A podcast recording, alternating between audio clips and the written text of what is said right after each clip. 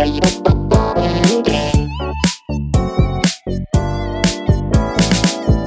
men hej!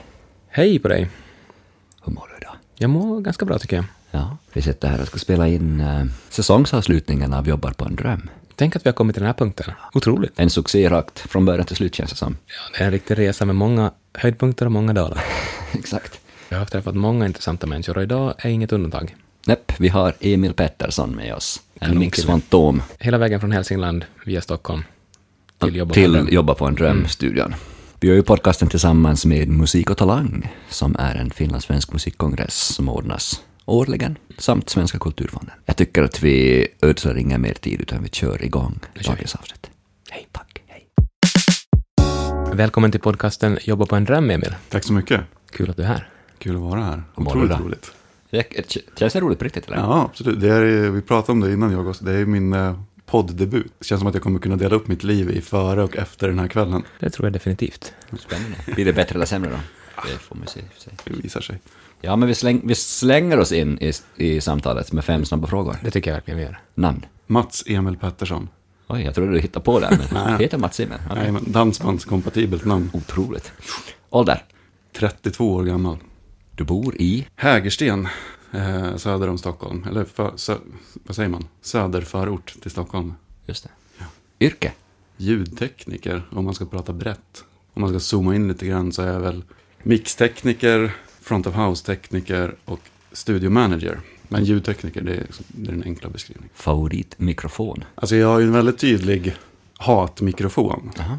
Det är ju Neumann U87 som jag tycker är, vad ska man säga, mikrofonernas svar på Beatles. Och det är en bra eller dålig Ja, men grej? det är otroligt överskattat. Mm. Mm. Okej. Så inte U87 alltså? Nej. Nej. Starka ord här. Mm. Favoritmikrofon? Nej, men det är... Um, alltså Coles 4038 är ju en favorit såklart. Men den kan man ju liksom inte göra allt med.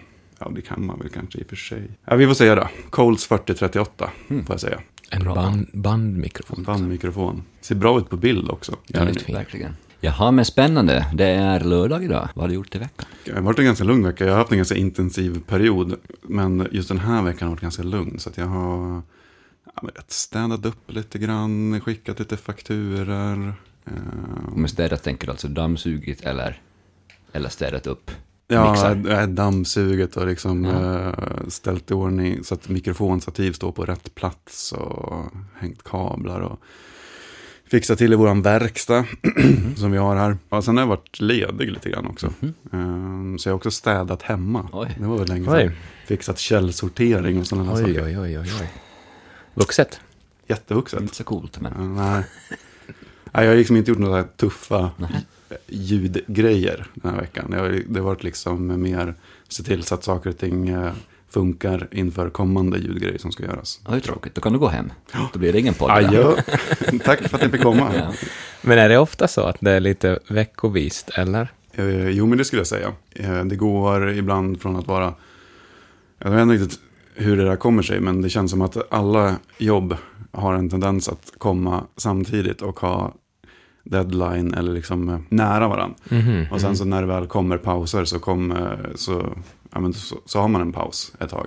Och sen Okej. så blir det intensivt igen. Pauserna är ju som tur var kanske inte superlånga. De här intensiva perioderna är ju långt mycket längre. Men det, det är ju svårt att få liksom en bra spridning. Man har ju liksom inte ett 9-5 jobb och går hem på, liksom, tar en tidig fredagkväll och sen så har en skön helg och sen så kommer man tillbaka utvilad på måndag och fortsätter med 9-5-mandet. Det har man ju inte.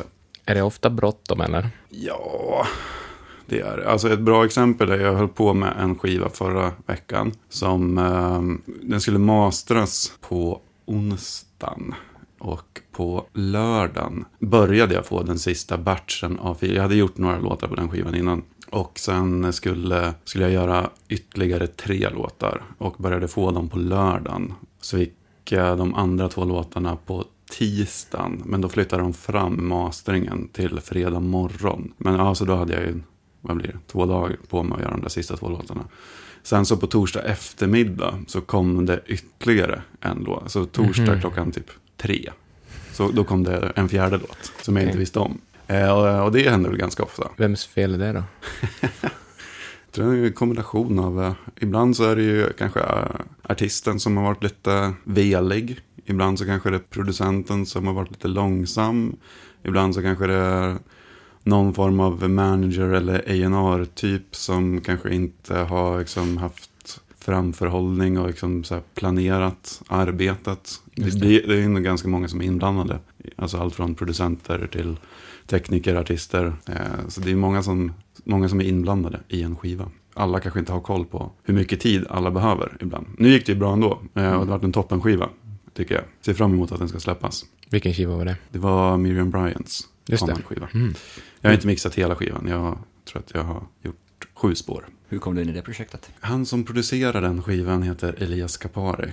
Eh, och det är en väldigt god vän till mig. Eh, men det är också en person som jag jobbar väldigt mycket med. Har gjort väldigt många år. Så att, ja, han frågade om jag var sugen på att göra en av singlarna. Och sen så tror jag väl att de var ganska nöjda med den singeln. Så vart det fler. Och slutar upp med sju låtar då. Spännande. Men eh, jag undrar, ska vi ta det helt från början? Mm. Vi vill lära känna Emil nu. Just det, Från grunden. från grunden. Lill-Emil.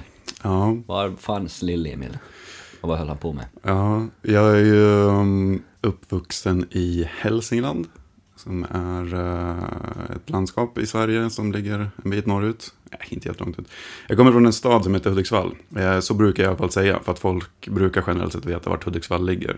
För att vara en ganska liten stad i Sverige så är den ändå förhållandevis bekant. Egentligen så kommer jag från en by som heter Iggesund, som ligger en mil söder om Hudiksvall. Och har väl hållit på med musik ganska länge på olika sätt. Som eh, de, på, i, vad ska man säga, klassiskt svenskt maner så började min musikaliska resa på den kommunala musikskolan. Blockflöjt? Nej, faktiskt inte. Hör och häpna, trumpet. Oj då. Har du kvar Mm. trumpetchopsen eller?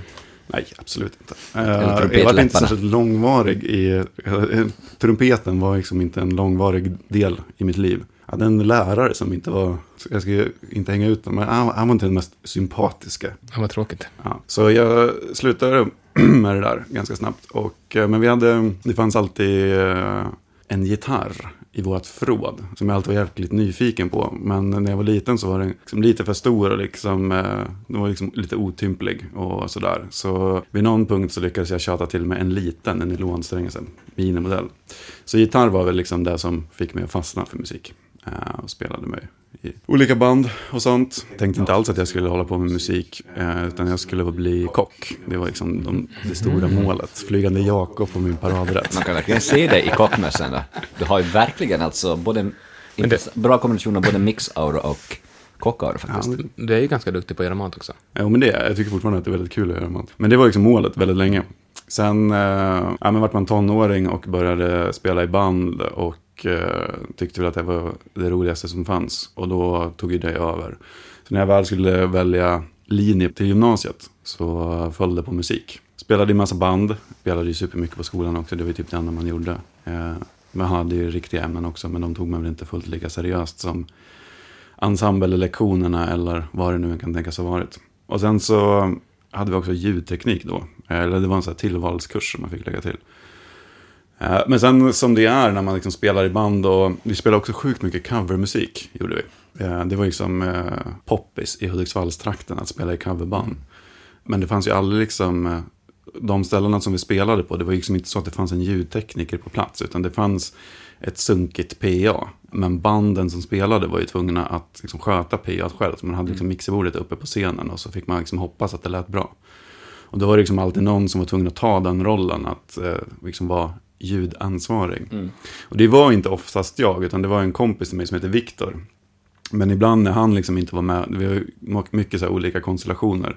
När han inte var med på giggen då tog jag den biten och sen jag vet liksom inte riktigt hur det kom sig, men efter ett tag så började jag få, när jag var, jag vet att när jag var 17 då fick jag förfrågan första gången att göra ljud åt ett annat band. Och det var också första gången som jag faktiskt fick eh, pröjs för att vara ljudtekniker.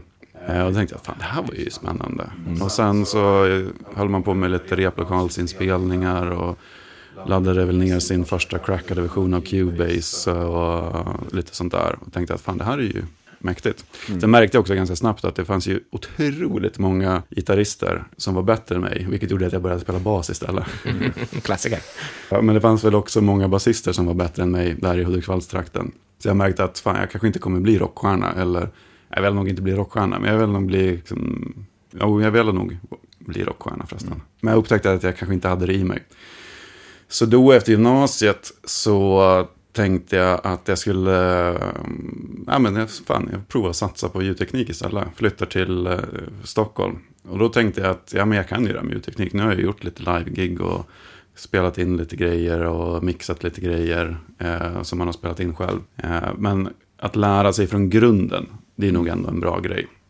Eh, så då hittade jag en skola som heter Studio Blue, eh, som ligger i Enskede. Jag åkte dit på ett besök och liksom så här, ville kolla in, vad det, alltså, kolla in vad det var för ställe innan man ansökte till skolan. Men jag fick så otroligt dålig känsla. Oj, Ja, eh, de var inte särskilt eh, bra på, nu ska jag inte hänga ut dem, det finns jättemycket duktigt folk som har gått på den här skolan och det är säkert en fin skola. Jag fick dålig vibb, så jag åkte, åkte hem från Stockholm och tänkte att ah, det kanske inte blir någonting med att plugga istället. Och så stod jag på pub Tre Bockar i Hudiksvall, finns inte längre, eller ja, puben finns men den heter The Bell nu, lite mer internationell. är det ett bra ställe eller? Jättebra ställe, supertrevligt ställe. Ska man åka till Hudiksvall så tycker jag att första stoppet borde vara The Bell. Då ska man sitta där och svära och gnälla över att det inte heter tre, Tre bockar längre. Exakt, bockarna var i folkmun då. bättre på den tiden. Ja, visst. Jag stod där och gjorde ett gig, eh, eller gjorde ljudet åt ett, eh, några kompisars band. Och så kom det fram en snubbe, började vi snacka lite grann och så nämnde jag väl hela den här grejen att jag var egentligen sugen på att plugga ljudteknik för att liksom sådär. Och så nämnde han en skola som heter SAE, som fanns här i Stockholm, som inte finns här längre. Kollade in där, åkte dit, gjorde en intervju, eh, fastnade för det, började plugga där och sen så ja, flyttade ner till Stockholm och pluggade på den skolan. Och eh, i samma veva så, jag hade liksom några kompisar som hade flyttat ner till Stockholm också. Var, var på en av de kompisarna, Oskar heter han, han hade precis fått ett skivkontrakt på IMI som fortfarande fanns på den här tiden. Eh, Det här var 2010, så det var liksom sista sucken för skivbolaget EMI. De gick väl i graven, det var 2012 kanske. På grund 13. av det här eller? De finns, ju, de finns ju inofficiellt fortfarande. Ja, de finns väl som en etikett, liksom, men inte... Ja. Hur som, han hade fått eh, skivkontrakt i alla fall och eh, kommit in liksom i musiklivet i Stockholm på ett ganska bra sätt. Och eh, han och jag slog väl våra kloka huvuden ihop tillsammans med några andra och tänkte att vi skulle... Ja, men vi började hyra lite studios inne i stan och eh, fick lite inspelningsuppdrag och mixuppdrag och sådär. Eh, parallellt med att jag pluggade då. Och tyckte att det kändes toppen. Jag hade inte så pass mycket jobb så att jag liksom klarade mig på det. Men man fick ju se sen för att man pluggade och sen så hade jag ett extra knäck på en färgbutik också. Så på fredagar och lördagar så krängde jag färg till folk. Jag var ganska bra på det också. Eh, Inte nog med att Ja, jag... Ja, det mat, då- var det riktigt matlagning, Vad ljudteknik är du och... riktigt dålig på då? Har du mi- där du får mindervärdeskomplex? Ja, men det är väl att spela gitarr då. Okej. Nej. Jag, är också, jag vill ju tro att jag är sjukt bra på att bowla. Mhm. Men jag är otroligt dålig. Svårt med Ja, bowling. det är svårt med, men det är ju en sån här sport som man, det är väldigt lätt att tro sig vara bra på det inför. Men sen så blir man smärtsamt uppmärk, eller liksom, det blir ganska fort smärtsamt uppenbart att man inte är så himla bra Nej. på det. Ränna direkt. Det är väldigt kul. Det är otroligt roligt. Ja, hur som helst, jag, när, när den här utbildningen började lida mot sitt slut så var jag liksom, det här kommer ju gå hur bra som helst. Jag kommer ju, jag kommer ju bli superkänd producent. Jag hade lite produ producentambitioner då. Det var kanske inte mixa och så som var det roligaste. Så jag sa upp mig från eh, mitt extra knäck. De ville att jag skulle vara kvar. Jag bara, nej, jag ska fokusera på det här nu.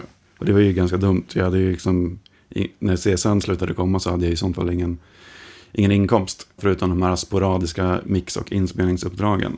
Men då var det som så att den här skolan som jag pluggade på, SAE, de hörde av sig bara någon vecka efter att jag hade slutat och frågade om jag var intresserad av att börja jobba åt dem. Och då tänkte jag bara, ja men det är ju perfekt. Komma in där några timmar i veckan att liksom tjäna in brödfödan och samtidigt kunna frilansa. Jag tänkte att det var en bra liksom, så här, lösning i början. Samtidigt som jag liksom fortsatte att få igång min frilanskarriär. Då visste jag väl inte riktigt det, men det där visade sig bli ett projekt som höll på i ja, hela mina twenties. jag var där i tio år. Ja, men så jag började jobba där eh, som handla, handledare och lärare. Och SAE har ju, eller hade ska jag säga, eh, förutom att vara en utbildning för musikproducenter och ljudtekniker så hade de en kommersiell studio som heter Soundtrade Studios. När jag började jobba där då fick man ju bra pris på den studion så då började jag liksom, då var det, då var det liksom lättare för mig att ragga till mig band som ville spela in med mig. För att så kunde jag säga att ja, men fan, vi kan spela in i den här feta studion. Soundrade studio, eller Studio 1 i Soundrade, är ju en väldigt fin studio. Locka till sig band som egentligen inte hade råd med den studion. De hade råd för att då kunde de jobba med mig och få den lite billigare. Så jag började göra ganska mycket inspelningar där. Och efter ett par, bara ett par månader efter att jag hade börjat jobba så skulle den dåvarande studiomanagern slut, han bestämde sig för att sluta. Och eh, då hade då? ju, förlåt? Vem var han då? Ian hette han. Just det. Eh, engelsman som eh, hade varit där i ett par år och Mm. kände väl att det var dags att gå vidare i livet. Och det var ju superbra för mig, för att då bestämde sig SAE, då, som ändå ägde studion, att de skulle rekrytera en ny studiomanager internt. Eh, så då frågade de, vill du ta över och vara studiomanager och hustekniker för den här studion? Och det var ju extremt korkat att tacka nej till en sån. Alltså, Mm. Det var ju ett drömgig att landa. Att bli hustekniker för en så välrenommerad studio vid så pass ung ålder. Jag var ju nyss fyllda 22. Ja, nej men så då uh, hann jag, ja, jag varit studiemanager där och eh, det var väl superbra för min eh, karriär att Mm. ha det här som liksom husgigget. Det var ju, En raketkarriär alltså. ja, Som bakom allt finns ju hårt jobb och jobb. Så såklart. Men absolut. Men, nej, men det var ju toppen, verkligen. Och sen så har jag blivit kvar där och är fortfarande kvar. Jag är fortfarande studiomanager och eh, har det, den som min bas. Tillsammans med mina fina kollegor som jag nu för tiden då driver det här studiekomplexet med. Till exempel en av programledarna för denna podd. Oskar Nyman. Exakt. Oskar Nyman. Och nu går det under epitetet R45 då. Mm. Mm. Fortfarande Soundtrade-studion. Fortfarande Soundtrade. Soundtradestudion. Mm. Just det. Kan vi ta lite kort om Soundtrade-studion, bara för de som inte känner till den? Ja, precis. historien? Alltså Soundtrade-studion är ju, Var finns den och när grundades den? Och precis, har för den ligger i Solna. Det är en av Sveriges äldsta studios som fortfarande är i drift. Den grundades 1967 och det fin- har funnits studios som har funnits längre än så. Men det är få, om ens några, som fortfarande är i drift. Med 50 år på nacken så är det klart att det har hänt väldigt mycket här genom åren. Och det är en väldigt välrenommerad och fin studio. Allt från ABBA till Rammstein till eh, Westlife, eh, Cher, Veronica Maggio, eh, Backyard Babies, eh, Europe gjorde Final Countdown här. Alltså otroligt fin studio med många kända namn som har varit inom, innanför de här dörrarna. Latin Kings gjorde sin debutplatta här. Robin gjorde sina första grejer här tillsammans med Christian Falk. Och, ja. jag, jag, hade ju, jag fick ju träffa Christian en gång i början av min Soundtrade-karriär. Och jag är ju ett fan, Mm. Christian Falk-fan. Eh, framförallt liksom från Imperiet-tiden, men jag tycker också att många av de grejerna som han gjort som producent, alltså allt från hans egna skiva Skällbordell, Skällbordell till ja, men Teddy Bears andra skiva, och asfeta grejer. Han ville komma förbi för att han höll på att leta efter så här, några gamla mastertejpar till en låt som eh, vad heter den, Seven Seconds. Han ville försöka leta reda på mastertejparna för dem. Vi har ett ganska stort eh, bandförråd nere i vår källare med massvis med gamla tejper. Så han ville gå ner dit. Eh, och jag var ju hur pepp som helst när han skulle komma förbi och eh, ville absolut hjälpa till och liksom gräva i förrådet och leta i hans låtskatt. Men det var en, ja, det är en kväll som jag aldrig kommer glömma. För att jag har liksom aldrig varit med om en intensivare människa i hela mitt liv. Och det skulle grävas och vi skulle trä på gamla band. Och grejen med band, om man inte, band som gamla analogband som har stått väldigt länge, de behöver ju bakas innan man spelar dem. För att de drar åt sig fukt och om man trär på dem på bandspelaren så släpper järnoxiden som lagrar själva magnetismen släpper och fastnar på bandspelaren och man förstör banden och eh, de slutar, eh, motorerna slutar dra för att de märker att eh, bandet inte drar jämnt och det blir bara ett jäkla krångel. Men det hade vi inte tid med för det tar ju 4-5 timmar och han ville ju men vadå lyssna baka? igenom sina Lägger grejer. man det i ugnen alltså? Ja. Man lägger i ugnen Det i bokstavligt talat. 40-50 grader i 3-4 timmar. Och sånt där. Så för att dra ut fukten. Liksom. Mm. Så det är en liten process. Ehm, men han hade ju inte tålamod för det här. För att han ville ju lyssna igenom och se om han hittade. Och vi hittade så jävla mycket coola grejer då. Bara så här demos och outgivna grejer med Nene Cherry och Titi och allt vad det nu än kan tänkas ha varit. Ehm, men inte Seven Seconds, den hittade vi inte. Ja. Hur som helst, det var, det var en jävligt kul kväll med eh, Christian Falk som jag aldrig kommer glömma. Det var en väldigt fin Christer Falk-historia. Ja, det tycker jag. Det. Men kan vi backa bandet lite? Vad är grejen med Hälsingland och alla coverbands? Ja, jag vet inte riktigt. Alltså, grejen är att jag skulle säga att eh, musiklivet i Hälsingland är ju ganska bra. Framförallt att det finns väldigt mycket musiker i Hälsingland. folkmusik är ju otroligt stort i Hälsingland. Jag skulle säga att det är typ lika stort i Hälsingland som det är i Dalarna. Okej. Eh, kanske inte riktigt, men det är ändå, jag skulle det är påtagligt. Alltså vi har mycket, två väldigt stora stämmor. Eh, Alltså spelmansstämmor, Delsbostämman och Bjuråkerstämman. Så musik uppmuntras ju, absolut. Däremot så kanske det liksom, med några undantag, så har det liksom inte kommit så mycket framgångsrika artister eller band. Eller sådär. Så att det finns liksom inte så mycket originalmusik för de här mus- musikerna som är väldigt duktiga att ackompanjera. Mm. Men det finns ju väldigt mycket bra musiker då. Och då kanske coverband blir liksom ett bra sätt att... Jag vet inte, sen är det väl också, jag vet inte, småstads, alltså det är väldigt små städer runt om i Hälsingland. Och det känns som att småstäder överlag, säkert i Finland också, men i Sverige absolut, så är ju liksom coverband är ju liksom ändå poppis och stort. Och man gillar ju, man det gillar ju livemusik och man gillar ju när man kan sjunga med i exakt alla refrängerna. Alltså, det är ju kul att gå på riktiga gig också, men det är ju kul när man får sjunga med liksom, i både Roxette-låtar och eh, liksom, eh, Bon Jovi. Bon Jovi, precis. Ja, alltså Österbotten har ju också väldigt många coverbands, men jag, det är inte så många, jag känner inte så många coverbandsmusiker från Dalarna till exempel. Nej, De jag känner därifrån spelar ofta i något större band, alltså ett rikt, Ja, riktigt ett- inom situationstecken. Men alltså ett band som spelar egen musik. ja. Eller artister. Nej, jag vet inte riktigt hur det kommer sig egentligen, men det är väl eh, ja, mycket bra musiker, men eh, få låtskrivare då, kanske, eller få Mm, artister. Som sagt, det finns ju något undantag, alltså Per Persson med Perssons Mm, back mm. till exempel, det är väl det största som har, i svenska mått mätt, och sen eh, Iggesundsgänget och Östen med resten. Mhm. När man säger att man är från Hudiksvall så brukar det är två saker som folk tänker på när man i regel, ska jag säga. Det ena är Glada Hudik-teatern som är en väldigt eh, känd teaterensemble från Hudiksvall. Eh, Ica-Jerry, om man nu är en svensk lyssnare så känner man ju en Ica-Jerry, han är ju en del av den teaterensemblen. Så det är en av grejerna. Den andra grejen, det är en låt med Iggesundsgänget som heter Pessimistkonsulten. Eh, som eh, handlar om att liksom, det är ingen idé att vara glad för allting går åt helvete i alla fall. Och lik förbannat så hamnar man i Hudiksvall. Det låter är som en- något för oss, tycker jag. Mm. Bli pessimiskonsult.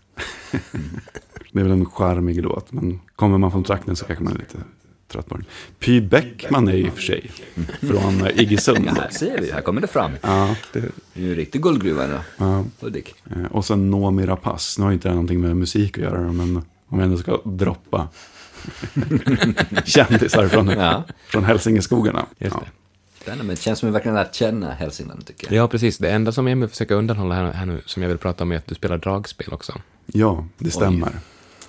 Ehm, Berätta om dragspelets kraft. Ja, men, det är ju ett av de häftigaste instrumenten som finns. Okej. Eh, Jag tycker att dragspel är otroligt mäktigt. Förutom piano då, så är det ju ett av eh, få instrument som verkligen fyller en hel orkesters funktion av sig själv. Mm. Ja, men det är ju sant. Det gör du ju rätt. I alla fall piano. Är det så. Ja, men precis, du har ju piano, absolut då. Så här, anledningen till varför jag spelar, Du spelar aktivt alltså fortfarande? nej det gör jag inte aktivt. Jag har, jag har tre stycken dragspel. Oj. Spelar inte särskilt ofta längre. Eh, Men hur det kommer sig att jag spelar dragspel är för att när jag gick på gymnasiet så, och eftersom jag gick musiklinjer så man hade sitt huvudinstrument, vilket för min del var gitarr. Och sen så i årskurs två så skulle man välja ett biinstrument. Och eh, min farmor spelade dragspel, eller spelade ska jag säga. Eh, hon lever inte längre, men hon spelade dragspel. Så hon hade ett dragspel som jag alltid liksom sneglade på. och Tyckte, "Fan, det där är ett jävligt mäktigt instrument. Men det kom sig aldrig riktigt för att jag frågade henne om hon kunde lära mig eller sånt där. Det, jag vet inte riktigt, jag hade väl annat fokus. Jag tyckte väl att det var viktigare att spela gitarr kanske. Men när vi väl skulle välja biinstrument, då, då skulle man ju vara lite taktisk också. De flesta väl liksom, hade man sång som huvudinstrument så valde man ett lämpligt instrument att kompa sig själv med, gitarr eller piano. Var man eh, trummis, ja men då var det ju bara pick and choose, ta något instrument där du, som du kan spela melodier på så att du kan greppa den biten också. Men annars så tog ju folk, ja men en gitarrist tog piano, pianister tog gitarr, alltså du vet, det var ganska... Och man ville ju få så mycket tid som möjligt på ensemblelektionerna tänkte jag. Så då är det ju ganska smart att välja ett instrument som ingen annan tar. Då kan man tänka så här, dragspel, var det verkligen det bästa? Var det liksom det hetaste instrumentet? Är det, spelar man med en dragspelare i sin ensemble? Kanske inte. Det beror på vad man spelar. Beror på vad man spelar. Grejen är att Lasse Winnerbäck var ju otroligt stor under den här perioden. Och eh, hans dåvarande kompband, Hovet, där, de slängde ju in ganska mycket dragspel. Och gitarristen där, Johan Persson, han är ju en gammal så här, dragspels wonderchild från Hälsingeskogarna faktiskt, från Delsbo. Mm. Mm. Ja, men så då tänkte jag att fan, nu är kanske grejen att det är kanske nu som eh, man har chansen att eh, ta sig an det här dragspelet. Så jag tog dragspel som biinstrument. Problemet var ju bara att det fanns ju ingen, ingen lärare som kunde dragspel. Så det tog lite tid för mig. och Jag fick liksom ha självstudier första halvåret, typ. Fanns knappt YouTube. Ja, det fanns knappt YouTube. Alltså YouTube bestod ju på den här tiden, alltså 2006, var ju väldigt nytt. När kom YouTube? 2005 va? Jag tror det. Det, det skulle jag inte fråga Så mig. det var ju verkligen i YouTubes födelse. Mm. Så att det var ju bara det musikcontent som fanns på YouTube på den här tiden. Det var ju bara, framför allt skulle jag säga, liksom, eh, Dragon Force-gitarrister som Mm. ville visa hur, att de kunde planka Dragon Force-låtar. Ganska tidigt kom de här Shreds-videorna också. Ja, just det. Att Någon man liksom tiden, la ja. på ett väldigt falskt... Men det fanns inga dragspelstutorials på YouTube. Nej, okej. Finns Ja. det nu ens då? Nej, det tror jag inte. Jag, jag har inte kollat. Jag kanske ska starta en Ja, dragspelskanal. Dragspelspodd. Ja, Emils dragspelshörna. Men tänk om det hade blivit en Wonder Child alltså. Vad har ditt liv sett ut idag? Ja, då Hade hade du- jag väl eh, haft en, en, en turné som, s- som eh, i liksom Italien, Polen, eh, Finland och Sverige. Tänker jag jag Ja. tänker att i da- de länderna där dragspelsmusik är en grej. Mm. Nu drar jag, jag antar att, att det är stort i Finland. Alltså, det är ett tangovänligt Jo, men det, det, det, passar ju bra i den tangoensemblen. Ja. Verkligen. Ja, Alltså jag åkte ju Finlandsfärja för inte superlänge sedan. Jag gillar ju inte att åka Finlandsfärjor, men jag gjorde det. Och det var liksom en sån här tisdagskryssning med bara finska pensionärer. Mm. Eh, och eh, tangon i restaurangen klockan eh, 14.00 var ju otroligt fascinerande att Mm. få bevittna. Spelar de dragspel eller? Nej, det var, det var liksom en duo. Bägge spelade keyboard och hade ju lite tracks då. som Precis, var nej, men man kör ju från synten liksom. Ja. Det är trum, trummaskin på synten.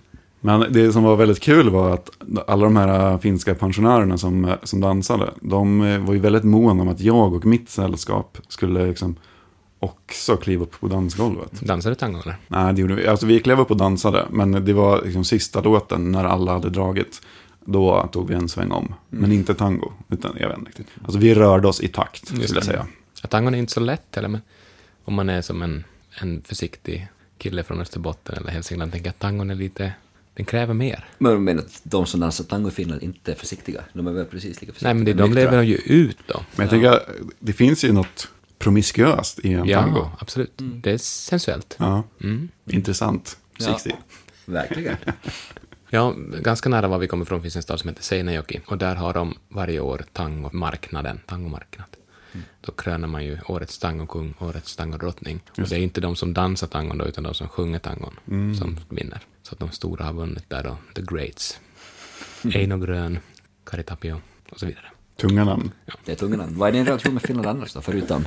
Alltså, jag var i Finland första gången när jag var väldigt liten. För då, vi var i Helsingfors med familjen bara på någon sån weekendsemester. Sen så var jag på turné, eller inte på turné, jag gjorde så one-off-gig med ett av banden som jag, som jag turnerade med. Eh, då skulle vi spela på Tavastia i Helsingfors. Då fick jag se Finland både från sin bästa sida och från sin sämsta sida. Som sagt, jag har ju den här fobin då, att jag inte riktigt gillar öppet hav och stora båtar. Jag tycker att liksom, färjor någonstans trotsar fysikens lagar. Jag vet att det inte är så och man kan liksom slå ner den här uh, fobin som jag har med fakta ganska snabbt. Men en fobi är ändå en fobi. Det, det, det är svårt att vara rationell när man väl har den. Men du tycker inte att flyga är något problem? Men det tycker jag är fullt rimligt. okej. Fåglar flyger Ja. ju. Mm. Just Eh, det. Fåglar, vissa fåglar simmar ju också. Ja, jag vet. Och ja. Men de sjunger inte tango samtidigt. Sådär. Ja. Hur som helst, vi skulle åka iväg till eh, Helsingfors och göra det där gigget. Och då var det som så att jag och turnéledaren och backline-teknikern, eh, Oskar, en god vän till, vi, eh, vi åkte iväg med båten och liksom turnébussen och all backline och mitt mixerbord och liksom hela, hela paketet, dagen innan och så flög bandet in dagen efter. Så vi, det var bara han och jag. När båten åker iväg så, ja men vi går och sätter oss vid baren och jag är liksom lite skakig, tar en öl, tar två öl. Och tänker, ja men vi, nu måste vi göra det bästa av situationen. Så att vi går på, vi går på en fin restaurang, vi käk, tar in ett gott eh, vin, käkar någonting gott och bara försöker liksom tänka på det positiva. Och det gick ju ganska bra. Och sen träffade vi någon trevlig snubbe där som eh, vi hänger med och ja. Men det här är en finsk man eller vad det? Det var en finsk man. Ja. Eh, väldigt trevlig, jag kommer inte ihåg vad han hette. Ganska välbärgad. För att Hade han att- läderväst på sig? han såg ut som en typisk finansman skulle jag säga. Han hade en väldigt fin klocka. Och jag tycker också om klockor. Så vi höll på att prata väldigt mycket om hans klocka. Och han vet väldigt prompt att jag skulle ha på mig hans klocka under kvällen. så, att jag, så att jag skulle få känna hur det känns att ha en riktig Rolex på mig. Och det var ju väldigt nära att jag höll på att åka hem med den här Rolexen. Men i sista sekund så kom han på i... Just det, fan det var min klocka. Jag behöver ha tillbaka den. Vi fördriver väl tiden och sen eh, blir det gig. Gigget är svinbra. Eh, toppenställe och, och eh, gigga på, verkligen. Och bandet levererar och publiken levererar och vi har superkul. Dagen efter ska vi åka hem. Då visar det sig att eh, finska liksom, sjöfacket, så säger man inte, men alltså facket för folk som jobbar på båtar. De går ut i strejk. Så vi kommer inte hem till Sverige. Var på vårt bokningsbolag försöker liksom så här hitta lösningar och då tänker vi att vi ska ta färjan över till Estland och så får vi ta liksom Tallinn-färjan till, hem till Stockholm. Och det gjorde ju inte så mycket för att den färjan går ju så snabbt och vi hade varit hemma i Stockholm vid samma tid. Problemet är bara att vi åkte till Finland, ingen av oss har med oss pass. För Varför har man med sig pass när man ska till Finland? Det har man ju inte. Får man inte åka till Estland utan pass? Tydligen inte, det trodde vi. Fast det är ett EU-land också. Ja, men de var vi hade ju körkorten Ja. liksom. Och där, men nej, de påstod liksom att det inte... Alltså om vi släpper på er på färjan så kommer ni bara bli hemskickad när ni kommer till Estland. Vi bara, nej, det känns superkonstigt. Men ja, vi fick inte komma på färjan i alla fall. Det slutade ju upp med att vi kör hem till Stockholm. Vi gör Bottenviken runt. I november. 1800 kilometer. Så det är min relation, till- alltså när jag tänker på ju se, Finland. du fick ju se Finland i alla fall. Absolut, det fick vi. Och det vart ju snöstorm ju, liksom, ju längre upp vi kom. Alltså när, efter att vi hade passerat, ja men inte jag, typ Vasa. Nej, lite, läng- lite högre upp. Det vart ju ganska mycket snö. Mm. Och så åker man i en överlastad turnébuss som liksom börjar wobbla när man passerar 90 på en bra väg. Ja, men så vi fick köra till, eh, vad körde vi till? Piteå tror jag. Och så övernattade vi i Piteå och sen så fortsatte vi. Det här havsbadet där, det är ganska trevligt. Ja, i, I juli är det säkert supertrevligt. I november, i slutet på november är det inte supertrevligt. Ja, nej, men så när jag tänker på Finland så tänker jag mycket på den resan. Och det är både, högt, alltså det är både positivt och negativt. Men Finland i sig ska jag ändå säga levererade. Eh, Nej, men sen var jag faktiskt i Åbo i somras eh, och giggade med samma band faktiskt. Men du halkar in på det här nu med din, eh, jag tänkte säga Finlands monolog, det var inte så jag menade, men när du har kört på med Finland här, så du gör ju annat än sitter i studion med andra ord. Ja, precis. Jag kör ju från... Jag gissar att du inte har gjort inspelningar när du var i Finland. Nej, precis. Nu har jag ju varit Eller på Finlands någon form av turnéaktig historia. Nej, precis. Jag är ju front of house-tekniker. Eller alltså live-ljudtekniker. Jag kör oftast front of house, alltså utljudet. Mm. Därför säger jag att jag är en front of house-tekniker. Kan vi bryta ner det där? Vad är, vad är, vad är de olika rollerna på live så här, i en sån produktion? Ja, alltså, alltså i ett live-sammanhang så finns det egentligen, beroende på storlek, på gigget så finns det ju väldigt många olika ljudtekniker. De två vanligaste är ju front of house, som då gör utljud, alltså publikens ljud. Man, man mixar ljudet som går ut i PA. Och sen så har man monitortekniker, som är personen som mixar det som händer på scenen, alltså musikerlyssningen. i ett mindre sammanhang så kanske man gör monitormixen från front of house, så att man liksom slår ihop de två personerna till, till en. Men eh, i ett lite större sammanhang så har man, har man dem separat som två personer. Eh, men utöver det så finns det också mycket andra ljudtekniker. Man har någonting som heter systemtekniker, som är personen som ansvarar för att rigga och kalibrera PA så att det låter så bra som möjligt för ja, men, hela publiken. Man, man kan ju tweaka ett PA beroende på liksom, när man hänger alla lådor, beroende på vilka vinklar man fäster lådorna i och lite annat. Och hur många lådor man har så, så kan man ju forma PAs spridningsvinkel. Och det är en systemtekniker som gör det. Eh, och sen så har man ju har man mycket trådlösa grejer. Då har man en RF-tekniker. Alltså ra- radiofrekvenstekniker eller HF-tekniker. High frequency-tekniker. Det är en person som bara sitter och kollar så att alla frekvenser lirar på bra. Så att man inte har någon krock. Så att, framförallt på en festival när man har flera scener. Mm. Så bör man ju se till så att scen 1 trådlösa frekvenser inte kommer in på scen 2 Så att man inte får in fel mikrofonsignal på, på fel ställen och så vidare. Eller fel. Spinal tap problem här. Precis, skulle, skulle Spinal Tap göra en remake på Spinal Tap så känns det som att det hade varit en given scen. De gör ett festivalgig och så får de in liksom någon, eh, eh, ja, inte vet jag, Finsk tango. till exempel. Mm. Ut som på Lead-kanalen, det hade varit kul. Vad, fin- vad finns det mer för något? Ja, men sen, sen har du ju backline-tekniker. Det är ju kanske inte ljudtekniker i... Så, alltså det är ju personen eller personerna som har hand om musikernas instrument. Många gånger så kanske man har flera stycken. En som bara har hand om gitarrerna, en som bara har hand om syntarna, en som bara har hand om trummorna och så vidare. Det är kanske inte en ljudteknikerroll egentligen, men många gånger så är ju en person som är backline-tekniker är kanske många gånger i andra sammanhang någon form av ljudtekniker också. Eller att man kanske börjar sin karriär som live-tekniker som på backline och sen så jobbar man sig upp och tar monitor eller front of house. Liksom. För det finns en hierarki ändå. Ja, jo men det skulle jag väl säga. Vad är det Alltså, sämsta då?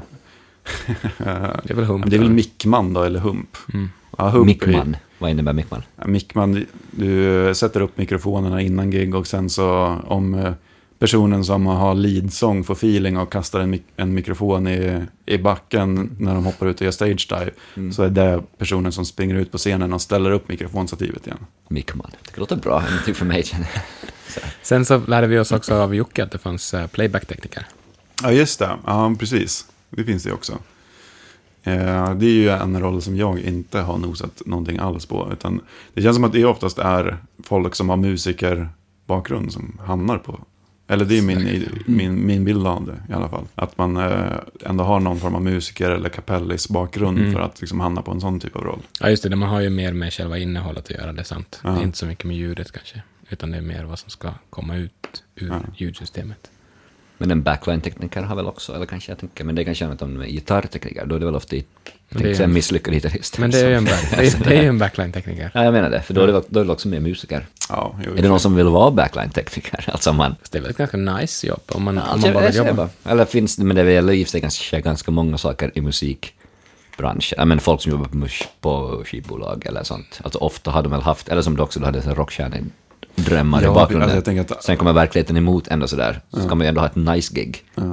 Alltså det, alla måste inte Jag bli tänker, slash. man ska inte, tänk om du skulle få åka backline med Guns N' Roses. Ja, det är nej, inte så jag, kul jag ändå, men spekulerar fritt här sådär. Men, men med Peps Persson, eller men det är väl bra, men vad heter det? Perssons back, vem pratar de från? Mm. Alltså har, de- har de backline-tekniker eller? Nej, det tror jag inte. Eller nej, det har de inte. RF-tekniker. Det är, det är nog inte någonting trådlöst överhuvudtaget på ett Per Persson-gig. Nej. Det är, det, är, old- det, är liksom, det är trummor och gitarr och bas. Och det är, det är sladdar Mm. Till gitarren och Det sladdar sladd. till basen. Drömmer de om en, en sladdfri tillvaro? Jag tycker att det kan vara ganska snyggt med sladdar ändå. Mm. Men ja, alltså det är klart att det vore ju skönt att slippa koppla saker. Att bara så här packa upp ett case, slå på strömmen och så var allting klart. Med tankekraft. Men det är ju så mycket, alltså det är jobbigt med trådlösa frekvenser. Jag tycker sånt där kan vara, jag, jag är ganska nöjd, alltså jag gör ju oftast rockgrejer. Jag har ju gjort annat också i och för sig. Men det är ganska skönt med så här rockband som är lite mer klassisk skolning. Som bara spelar och inte har så mycket, det är inga trådlösa mikrofoner. Det är inga in-ear-system, utan de kör på wedgar och det, Mm. ja, det är enkelt. Jag tycker det är ganska läskigt med trådlöst. Att det är liksom rädd att det inte ska funka. Ja, ja det, det ökar ju risken för fel, absolut. Och det, det händer ju väldigt ofta att när man har trådlösa grejer så, kanske inte jätteofta att det strular under gig, men att man eh, behöver liksom göra en snabb felsökning och söka igenom frekvensområdet. Så att man hittar en, eh, en frekvens som är tom. Alltså det är lite, egentligen så ska man ju ansöka om tillstånd för en specifik frekvens, eller ett specifikt frekvensområde. Så att eh, man inte har några krockar där. Men det kan ju vara lite si och så med det. Och ibland så kan man få störningar från, ja men vet, allt från telefonnät till wifi och liksom lampor ibland kan också göra att man får lite konstiga saker. Även i liksom, gitarrer så kan ju lampor ställa till problem. Och Mm. Så det kan ju vara lite så här felsökning ibland, men det går ju oftast hyfsat snabbt. Och saker och ting är väl så pass pålitligt nu så att det känns som att det är sällan någonting strular. Och grejen, grejerna som är så här superviktigt, typ lead-sångens mikrofon, kör man den trådlöst, då, då har man ju alltid en backup på Okej. en separat kanal. Så om man märker att det strular, då får den personen en ny mikrofon och vid mixerbordet så har man förprogrammerat snapshot som man bara byter kanal eller byter input så att man går på spare-mikrofonen istället. Mhm. Så då rycker mick-killen in alltså. Ja, precis. En teknisk fråga här nu då. Är det alltid digitala mixerbord? Eh, ja, absolut. Vad är grejen Förutom med om det? du turnerar med Uffe Lundell. Kör han Han kör analogt. Vad har, vad har han för mixerbord? Ett Midas. Eh, jättestort. ja, det är ganska stort och ganska mycket outboard. Ett stort outboard-rack. Och varför har, har han det? Ja, men han har ju haft samma ljudtekniker väldigt länge. Så här, ja, men, han har väl någon form av legendstatus, får man väl ändå säga, i livesväng. Jag har inte superbra koll på liveteknik egentligen. Jag halkade in på ett bananskal egentligen bara nå- något år sedan. Men han har väl någon form av legendstatus tror jag, Hasse som han heter. Och det är väl så de alltid har gjort det. Och, ja, vana. Han gillar att Han, ratta. han gillar det. Och han, så jag tror inte att det har någonting med nödvändigtvis med att bandet eller produktionen. Utan det är väl snarare att han som tekniker har en given plats i det här crewet. Och han gillar att köra analogt. Det är väl grymt. Det är lite krångligt kanske i vissa sammanhang. Alltså, på ett festivalgig så blir det ju väldigt bökigt. För att det är ju standard-setupen på en festival är ju kanske inte att du drar liksom eh, 48 kanaler analogt mellan front of house och scen. Utan man drar ju ett gäng eh, cat 6-linor. Så att eh, borden kan, för att ofta så kopplar man in sig med nätverksladdar. Och vad gör Uffe då? På fest- han Ja, han eh, behöver ju, han kanske inte gör så mycket festivalgig i och för sig, men han behöver ju ha, nu vet jag inte hur mycket kanaler de kan tänka sig ligga på, men säkert 32 då. Så Mm. behöver man ha 32 stycken analoga linjer mellan front of house och Så de scen. kommer in med sitt bord. Är tufft på ett sätt kan jag tycka, alltså, respekt. Ja. Men det är väldigt ovanligt. Alltså, jag drog det exemplet bara för att det är verkligen det enda exemplet jag kan komma på när ett analogt mixerbord används i livesammanhang. Eh, sen är allting, alltså må- många produktioner, även så här rockproduktioner, är ju många gånger väldigt tracksbaserade. Då har man ju tracksen på samma kanaler hela tiden. Man kanske har uppdelat för vissa att man har liksom, sångtracks och man har instrumenttracks och kanske perkussiva tracks. Alltså man, att det kommer, men det är ju ändå samma ett eller två eller tre eller fyra stereopar som man tar emot tracks på. Men liksom låt ett och låt två, kan ju det kan ju skilja sig otroligt mycket vad det är för syntar eller vad det är för körer. Och då kommer man ju vilja göra liksom olika EQ-justeringar på de grejerna. För att vissa, de kan ju också vara mixade av olika personer. Eh, alltså när de där tracksen väl gjordes, oftast så kommer de ju, eller oftast, men jo, ofta skulle jag nog säga att de kommer ju från skivproduktionen. Så då kan de ju många gånger vara mixade av olika människor. Så det kan ju vara otroligt li- olika hur de låter. Och det betyder ju att du som front of house-tekniker, eller för den delen monitortekniker, kommer ju behöva, ja men kanske EQa och lite annat på olika sätt beroende på vilken låt det är. Och då har ju digitala mixerbord någonting som kallas för snapshot, så att du sparar vissa inställningar och bara recallar dem snabbt. Så när den här låten kommer, då recallar jag snapshotet för den låten och då kanske min EQ ändras eller basisten kanske vill ha mer av klicket på just den låten. Så, sådana där saker. Den möjligheten finns ju inte analogt, utan då måste du åka digitalt. Vad är roligare då? Eller du sa att du kom in på ett bananskal på, på live-grejen. Nej, men så, kom du alltså, in på det och vad vad är roligare? Jag började ju någonstans min karriär med att göra live-ljud på liksom, de lokala vattenhålen i Hudiksvall med omnejd. Men från, att, från det att jag flyttade till Stockholm så var jag ju, hade noll intresse. Alltså, jag skulle till och med säga att jag undvek livejobb. Alltså fick jag en förfrågan så sa jag nej. För att det, var, det fanns inget intresse överhuvudtaget att göra. Alltså jag vill- ville jobba i studion. Det var det. Jag ville inte göra liksom hundåren som live-tekniker för att liksom jobba mig uppåt där. Det liksom fanns inte på kartan. Så jag gjorde studiogrejen och det gick väl bra. Sen så var det så bara helt out of the blue, liksom, så fick jag ett sms när jag satt och käkade middag med några kompisar. Vi var, ja, skitsamma. Fick ett sms från kapellmästaren i ett eh, band. Som frågade om jag kunde hoppa in och eh, vicka på Nyhetsmorgon. Ja, de, det var liksom första giget de skulle göra med den produktionen inför kommande sommarturnén. Men just då så kunde inte tekniken, så de behövde ha vick. Och eh, då var det lite för stor artist för att tacka nej till. Så jag var bara, fan hur ska jag göra nu då? Nej men alltså det här, är- det här är för stor artist för att tacka nej till. Så jag bara, ah, absolut, jag, jag tar den. Midsommardagen också, jättedålig dag. Alltså nyhetsmorgon, midsommardagen. Kliva upp klockan fyra för att man har taxi som kommer kvart. Nej. Skitsamma, jag tackade ja. Och de frågade, ja ah, men grymt, är du van det här mixerbordet? Jag bara, ja absolut, inga problem. Jag hade aldrig sett det i hela mitt liv. Jag hade aldrig rört ett sånt mixerbord, aldrig ens sett det. Jag hade sett på bild. Eh, men så kan man ju inte säga om man tackar ja till gigget. Då måste man ju bara säga att ja, självklart, inga problem. Så då ringde jag till eh, Arva, som de heter, de som säljer det här mixerbordet. Eh, Avid heter märket. Och ja, har ni ett eh, demo-ex av det här mixerbordet ho hos er? De bara, ja, absolut. Jag bara, grymt. Kan, uh, kan ni köra en crash course med mig? De bara, ja, absolut. Kom i, imorgon efter lunch. Så åkte jag dit, fick en crash course, tänkte att ah, det var inte så himla svårt. Grejen med mixerbord är att kan man mixerbord så kan man i princip alla. För att i slutändan så handlar det ju bara om att signal kommer in, du processerar lite grann på vägen och sen så går det ut någonstans. Mm. Grundläggande tänket för alla mixerbord, digitala eller analoga, är ju mer eller mindre detsamma. Och jag kunde väl mixerbord väldigt bra ändå, även om jag inte kunde just det. Men så det gick bra. Det ledde till att jag också tog något annat vick på den turnén. Och sen så gjorde de en höstsväng som jag gjorde med den här artisten och lite annat. Du får säga vem det är, det är inte Public Radio. Som ja, eh, Daniel Adams Ray okay. var det. Och det var ju ändå en stor liksom, liveartist. Och eh, i och med det här så hade väl Daniel precis skaffat en ny manager som heter Erik Olsson.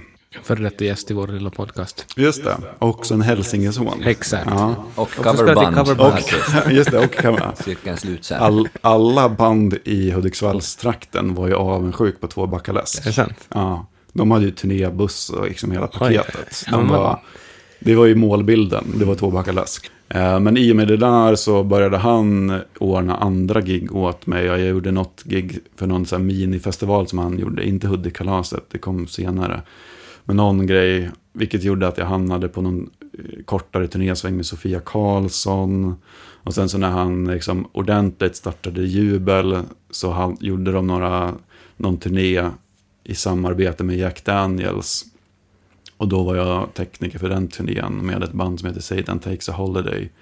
Och det gjorde i slutändan att jag fortsatte med, och fortsätter än idag, med det bandet. Där liksom började min live-karriär lite grann. Alltså verkligen på ett bananskal. Jag behövde inte göra hundåren på Pub Anchor och liksom sådana där ställen. Utan jag, på grund av att jag hade bra meriter från studiovärlden så fick jag någon liksom, rekommendation på någon höftskjutning att hoppa in i en liksom, väldigt stor produktion. Och gjorde väl tillräckligt bra ifrån mig för att få mer jobb därefter. Och nu har jag liksom fortsatt. Jag, det är inte så att jag jag tycker att det är ganska kul att uh, åka ut på turné eller liksom göra gig för att jag kan, ha lite, kan få lite myror i brallan. Så om jag gör en sak för mycket för länge så kan jag bli lite uttråkad. Så det är bra att ha liksom studiojobbet, kunna åka ut och göra något gig någon gång ibland, komma tillbaka till studion och ja, sådär. Mm. Så det är en, eh, en kombination av grejer som har funkat väldigt bra.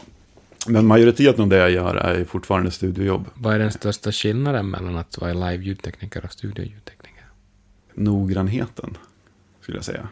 Alltså man behöver ju vara noggrann i livesammanhang också. Och för den som inte förstod vad jag syftar med det där menar jag att man är mycket mer noggrann när man jobbar i studion.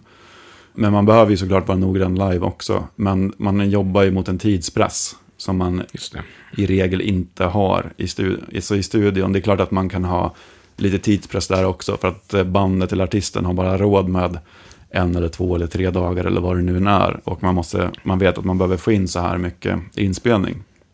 Men det finns ju ändå ett lugn och, en, och också att folk vet att man vill laborera och testa och liksom se till så att man får ut så mycket som möjligt.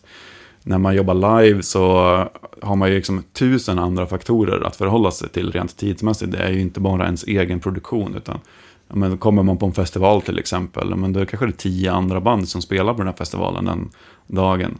Så att den slott som du har fått när du får bygga mm. bakom scenen, den är ju liksom utsatt där för att scenchefen har tänkt till att okay, men det här bandet ska kliva på då, då måste vi låta dem bygga här för att det är först då som vi har podier redo som de får bygga på och så vidare. Så tidsaspekten är väl den stora skillnaden, eller förlåt, noggrannheten på grund av tidsaspekt. Mm. Sen vill man ju såklart vara noggrann. Och eh, gör man stora produktioner när man åker med egen teknik, då, då släpper ju lite grann av den pressen. För då får man ju sitta i förproduktion och eh, okay göra mixen. Att man sitter på proddrepen, spelar in proddrepen. Så att när bandet har gått hem så kan man ändå sitta kvar med mixen och liksom spela upp inspelningen av repet och se till så att mixen sitter. Så då vet man ju att eh, det som finns i mitt mixerbord, det är 100. Alltså det enda jag behöver lösa är att få upp saker och ting på scen och kolla så att eh, PA lirar så som jag vill att det ska Mm. lira. Att man kanske mer anpassar efter just det PA som man spelar för, eller den akustiken som man spelar för just den kvällen. Du behöver inte börja med den klassiska bastrumma. Nej, grejen är att jag, har, jag, jag tror också att jag har, eh, i och med att jag kommer från studiovärlden mer än från livevärlden så tror jag ändå att jag har en lite annan approach till hur jag mixar live än vad många live-tekniker har. Festivalkicken hatar jag ju. Alltså när det bara är sub, ingenting och sen så två och ett halvt K. Just det. Mm. Det är det värsta jag vet.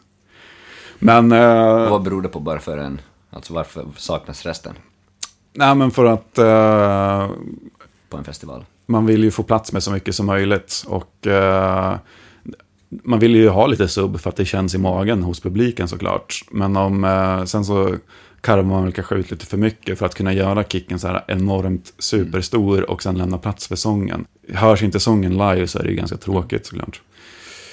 Men jag kan ju tycka mer, alltså om jag mixar ett band eller liksom om jag åker med en produktion så kan jag många gånger tycka att soundet är ju viktigare än att, exa, liksom att kicken är fet. Alltså ett band låter ju på ett sätt på skiva och då vill man ju göra en sin tolkning av det soundet fast i live-sammanhanget.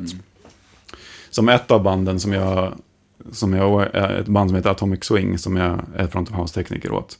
Där är ju, deras sound på skiva är så här super, super kompakt, alltså väldigt komprimerat. Eh, sången är alltid väldigt distad, väldigt, men ganska distad. Och sådär. Gitarren är viktig såklart. Trummorna är oftast ganska liten, men har väldigt mycket punch ändå. För mig är det då viktigare att, så här, ja, men till exempel om jag skulle ha ett mixerbord där jag inte har en dist som jag tycker är bra för sångsoundet. Då har jag sabbat hela gigget för att jag får inte till, alltså om Atomic Swing inte har dist på sången, då låter inte de som Atomic Swing och då har jag sabbat. Medan en annan teknik kanske hade tänkt att, ja men så länge sången hörs så är det väl bra. Jag tycker ju hellre att sången får liksom kämpa sig igenom gitarrerna så länge den låter rätt. Snarare än att den verkligen, verkligen hörs exakt varenda stavelse som sjungs. Ja, men det är samma sak som när man mixar en skiva. Liksom. Det handlar ju inte om att sätta det perfekta reverbet eller den ultimata kompressorinställningen. Utan någonstans så försöker ju artisten eller bandet förmedla en, en känsla till sin lyssnare. Och eh, ljudtekniken kommer ju alltid vara sekundär. Men ljudtekniken kan ju ah, hjälpa till. Eller definitivt också förstöra liksom, förmedlandet av den känslan. Alltså jag tycker att som ljudtekniker så, det är klart att andra ljudtekniker klappar en på axeln för att man liksom nailade ett, ett bra virvelsound. Men egentligen det som är viktigt som ljudtekniker, oavsett om det är live eller om det är i studio, det är ju om du förstärker den här känslan som eh, artisten försöker förmedla. Då har du lyckats som, ljud, som ljudtekniker. Men då blir det Men- väl live-mixare snarare än ljudtekniker? Ja, kanske. Det sätt. lät lite pretentiöst. Ja, va? verkligen. Kanske du är pretto. Ja, vi får hoppas att det är inte många Front of House-kollegor som lyssnar på det här avsnittet. som Ja, det kan väl kommer- inspirera oavsett. Alltså att ha, tänka musikaliskt är väl, alltså de få gigs Ja, nej, man men det- själv gör så tycker jag att det är intressant när Ja, men jag, sen, jag tänker, musikaliskt. jag skulle inte klassa mig som ljudtekniker på samma sätt som du är ljudtekniker. Jag är ju mycket mer intresserad av produktion och vad som, som är musikaliskt innehåll. Och där kan jag väl tycka att det som du är väldigt duktig på är ju kanske då att dels att få saker och ting att låta väldigt, väldigt bra och att välja rätt mikrofoner och välja rätt sak, alltså så att du verkligen placerar dem på rätt plats och det här låter kanon. Men sen också att det är väldigt rätt för sammanhanget. Mm. Alltså att det inte känns eh, som att man har valt ljudteknik för ljudteknikens skull, utan att man har valt det för att det ska vara på det sättet. Så det tänker Tack. jag väl att det kommer från det hållet i så fall. Alltså, jag, jag kan väl också hålla med om att man stör sig på folk som är så här, nej men det där är fel sätt. Så man säger, men det spelar väl ingen roll, om det låter nice så låter det väl nice. Ja. Eller helheten är nice, Ja. framförallt. Och nu när jag tänker på det, den här biten finns ju lite grann i, även i liksom skivbranschen av musikvärlden eller liksom ljudteknikvär, ljudteknikervärlden också. Att man gör väldigt kliniskt och jag kan ju tycka att ibland så är det ju nice om saker och ting är eh, liksom lite, att det finns lite fula element Ja, kvar så länge det är rätt för... En sak som jag älskar det är ju för mycket 800 hertz i virveltrumman. Det kan jag tycka är nice. Att man får det här Kan du lite sjunga 800? 90-talstjånget. så här, boom, Den där grejen i ja. virveln. kan jag- Racontours, Mm, det. den här, vad heter den? eh, första låten, eller På andra skivan är det ju. Du, Ja, som börjar med precis. trum. Ja, exakt. Eh, vad heter den låten? Dong,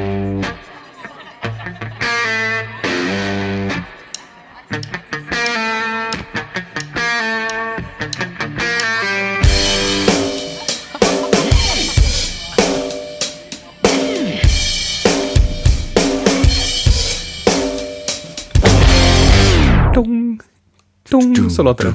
Ja, precis. Det kan jag säga helt fel frekvens, att jag kommer liksom, det kanske är 350, inte Ja, 400. vi får analysera här i efterproduktionen. Pinsamt. Allt blir inställt. Jag tappade all form av cancelled. credibility som ljudtekniker. Nej, Men det är väl skillnad på om det är Raconteurs eller The Strokes eller Imperiet eller Steely Dan. Då finns det väl ett värde i att det ska vara cleant.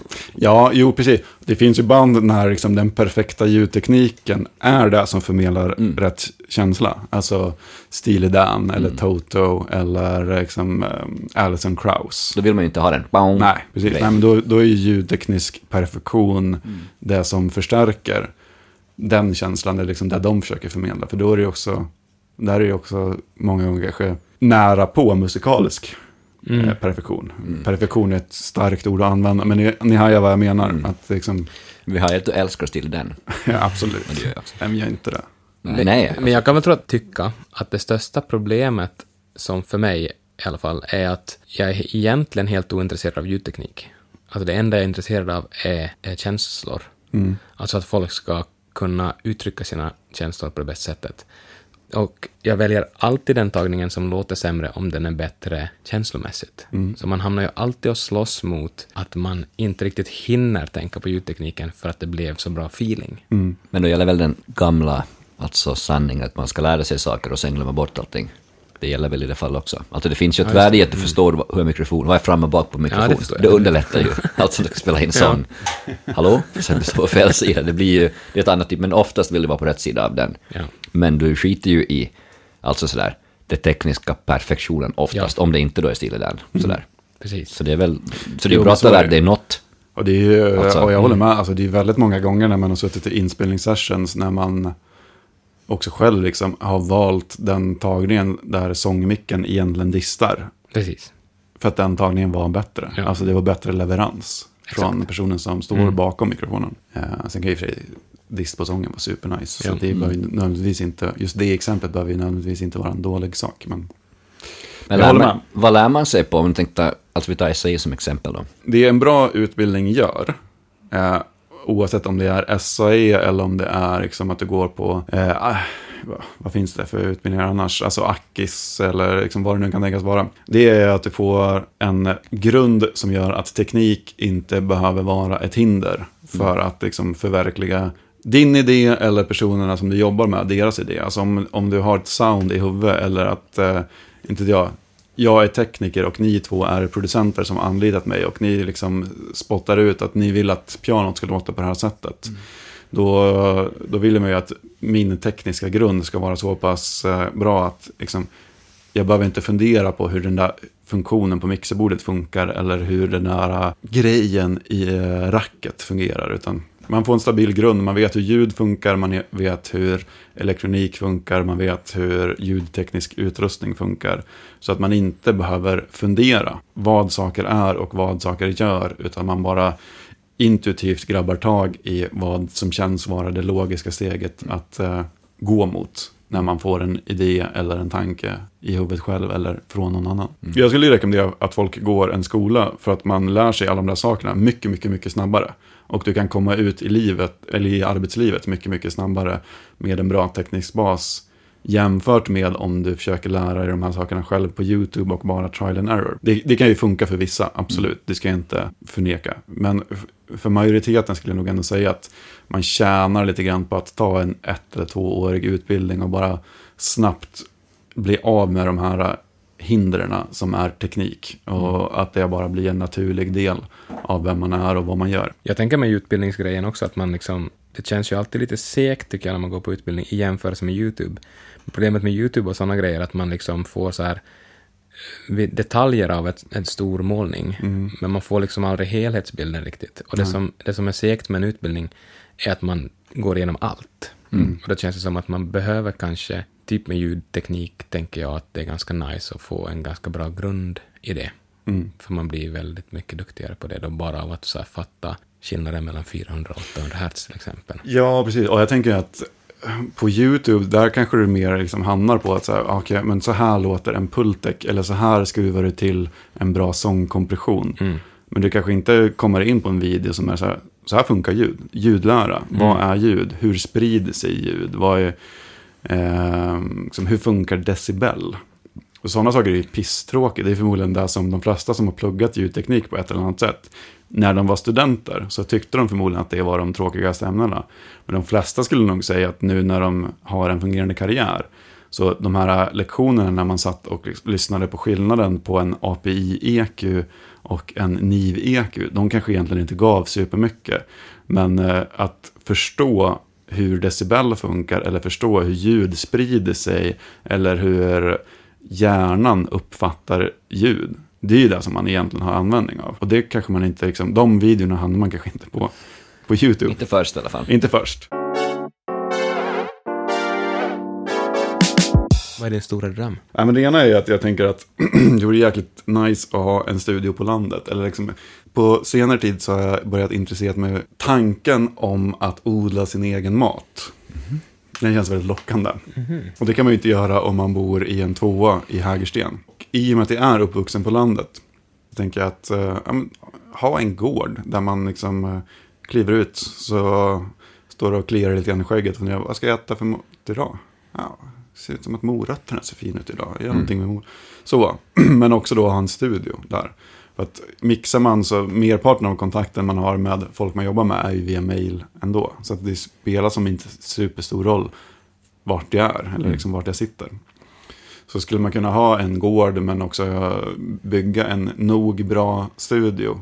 Men att då kunna liksom växla sin tid mellan den här gården på landet, vart det nu än kan tänkas vara. Kanske i Hälsingland någonstans eller lite närmare. An- Annars är en sån här grej som jag har haft he- hela karriären. Det är att jag någon gång så vill jag ju vinna en Best Engineered Grammy. Jag. Har vi något exempel på någon som har vunnit den då? Någon skiva? Ja, men till exempel den skivan med Raconteurs som vi pratade om, den skivan nummer två, den vann ju faktiskt ganska skrälligt. Eh, alltså det var ju en skräll eftersom det är en rockskiva och det är ju väldigt sällan rock vinner den grejen. Rising Han- Sand vann väl också, eller? Ja, precis. Eh, Robert Plant och Mm. Alison Krauss skivan. Och sen Billie Eilish vann ju nu förra året. Och eh, det finns ju också en svi- svinbra skiva. Och det är ju lite mer så klassiskt vad som typiskt brukar vinna de grejerna. Men det finns ju en skiva med Yo-Yo Ma. Eh, The Goat Rodeo Sessions. Det är Yo- Yo-Yo Ma och en massa andra musiker som spelar ja, men, stråkmusik. Eh, bluegrass fast med, fast med eh, st- bara stråkar, liksom ingen mandolin och sådana, utan ja, skitsamma. Väldigt fin skiva, men den vann ju. Och den låter ju svinbra. Nice, jag tror vi börjar närma oss vägs ände här. Eh, Jag har ju tjuvlyssnat på något avsnitt. Du är ett fan alltså? Jag är ett fan, absolut. Jag är här som ett fan. Eh, och jag kan ju säga att det är inte helt utan besvikelse att jag inte fick säga mitt favoritgitarrsolo. Men ta det då, Ja, kör. tack. Mitt favoritgitarrsolo är förmodligen eh, More than a feeling av Boston. Oj, oj, oj.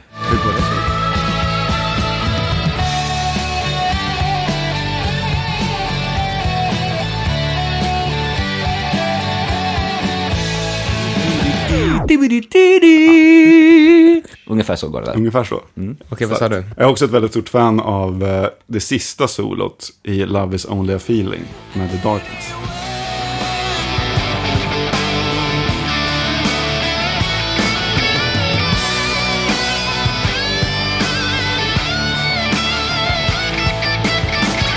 Otrolig den första Darkness-plattan. Ja, Kan. Oskar istället du sjunga det? Jag kommer inte ihåg hur det Men alltså, den plattan golvade mig när den kom. ja, den är toppen alltså. Otroligt stark. Jag har den på dubbelvinyl. Ja, jag är kluven alltså. Du är kluven. Spandexrock. Ja, alltså. Men jag ska också säga att jag, eh, låten som fick gitarren att vinna över alla andra instrument för mig. är- det finns ett, en liveinspelning från 1977 på något BBC-program. Där Ry Cooder spelar Darkness at the end of the street. Oj, oj, oj. oj. Då, då vann elgitarren. Ja, det är fint. Avsnittets sista fråga då, den svåra frågan. Det är en mycket svår fråga. Skulle du hellre mixa en Ramones-platta Det, nu är det pratar vi reunion, alltså i dagtid. Är det, vilka är det som lever? Nej, Tommy, ingen lever han?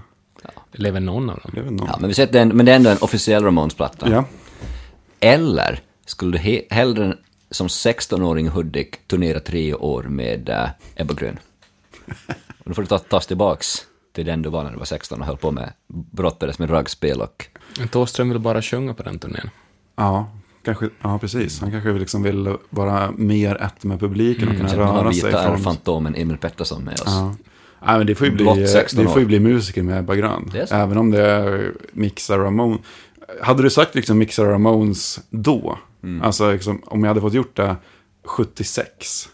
Liksom, du vinner det här awardet på Grammys för det. Ja. Ja, då, engineer Ramones. alltså, om jag som mixtekniker, inte nog med att jag mixar Ramones under liksom storhetstiden. men nu är det nu, men, men, nu men med Grammysen. Okej, nu men, ja, men då får det bli Ramones. Och Då får jag ändå vända på ett bananskal, eller vända på en femöring när jag säger Mm. Mixer Ramones. Tack för att du ville vara med i podden Ja, men jag tackar dröm. själv för att jag fick komma, superkul. Hej, ha det fint, hej.